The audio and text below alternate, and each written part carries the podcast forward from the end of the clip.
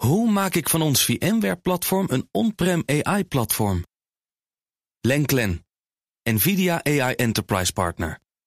Lenklen, betrokken expertise, gedreven innovaties. Tech Update. En daarom in de house, Joe van Buurik. Goedemorgen, Goedemorgen, Joe. Bas en Ivan. Elon Musk heeft weer eens een gek idee. Hij heeft een idee wat ook Trump al had en tot uitvoering heeft gebracht. Ja, je zou bijna zeggen de twee zielen één gedachte. Maar Ja. zover wil ik ook nog niet gaan. Nee, Nee. eh, Elon Musk heeft bedacht dat hij nu ook maar dus zijn eigen social media platform moet gaan opzetten. nou, inderdaad. Dat zijn twee reacties die je daarbij verwacht van jullie. Eh, hij denkt daar serieus over na, want hij vroeg zich hardop op Twitter af of Twitter zich wel houdt aan de principes van vrijheid van meningsuiting. En dus hield hij een Twitter-polletje onder zijn volgers. Er kwamen 2 miljoen stemmen, waarvan 70% zei nee, dat doet Twitter niet.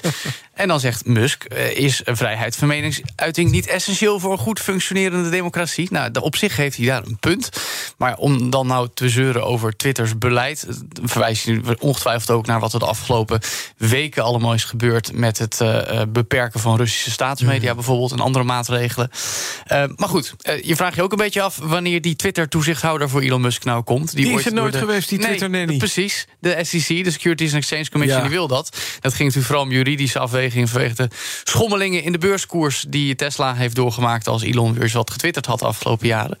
Maar goed, ehm, ook dat ziet Musk als één grote beperking in zijn vrijheid van meningsuiting. Nou, er zijn ook in Nederland wel eens mensen die dat zeggen. Ja. Eh, Het is ook een lastig verhaal, maar uiteindelijk denk ik dat Twitter ook een beetje de verantwoordelijkheid heeft. Ja. Al is het niet omdat eh, de wetgevers in bijvoorbeeld Europa dat zeggen, om de orde te handhaven. Maar ja, Musk.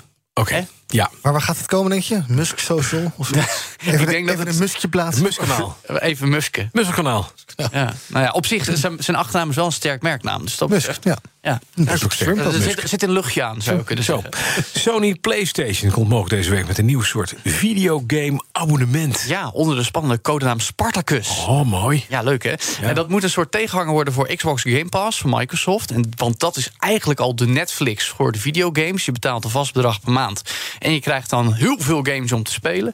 Sony doet het nu ook. Ja, die hebben al wel iets wat erop lijkt, al heel lang zelfs. Dat heet PlayStation Plus. Daarmee kun je dan online gamen met je vrienden... en elke maand een paar gratis spelletjes krijgen. En PlayStation Now, daarmee krijg je toegang tot een hele schare games. Maar het is nog niet helemaal te vergelijken met dat eh, model van Microsoft. Eh, dus zouden ze nu met drie nieuwe niveaus willen komen in de structuur. Essential, dat lijkt op PlayStation Plus. Extra, dan krijg je net als dat Xbox Game Pass... toegang tot honderden recente games. Maar ze willen dan ook nog eens premium gaan doen. En dan krijg je toegang tot de honderden games... die PlayStation al in de afgelopen 30 jaar heeft uitgebracht. Volgens Nou. Bloomberg wordt dat deze week officieel onthuld. Wat Nou dit? ja, dat, nou, begint het waarschijnlijk bij ongeveer een tientje per maand. Hm, zo. Volgens de geruchten. Dus dan kun je heel wat betalen. Maar het interessante is wel, Bas.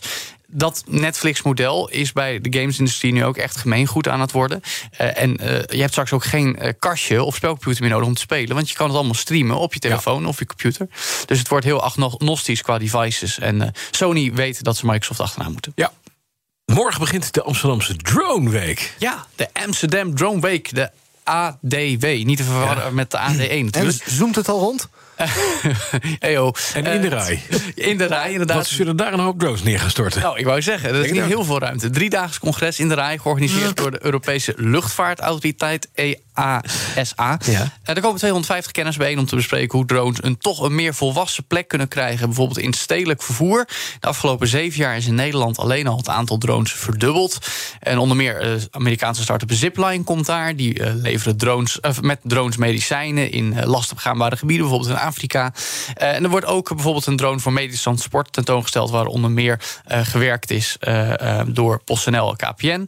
Ehm, en drones worden steeds meer gebruikt, ook in de bouw, eh, om olie en gas te winnen in gebieden, om die in kaart te brengen. En inspecties uit te voeren in spoor- en havenlocaties. Dus wat dat betreft interessant om te zien of daar wat uit gaat komen. Want vooral qua wetgeving hebben drones gehad te maken met versnippering in alleen al Europa. En dus eh, is het wachten op een uniform systeem dat bepaalt hoe drones nou wel en niet mogen worden ingezet. Dankjewel, Joe van Buurik. De BNR Tech Update wordt mede mogelijk gemaakt door Lenklen. Lenklen. Betrokken expertise, gedreven resultaten. Hoe maak ik van ons VMware-platform een on-prem AI-platform? Lenklen. NVIDIA AI Enterprise Partner. Lenklen. Betrokken expertise, gedreven innovaties.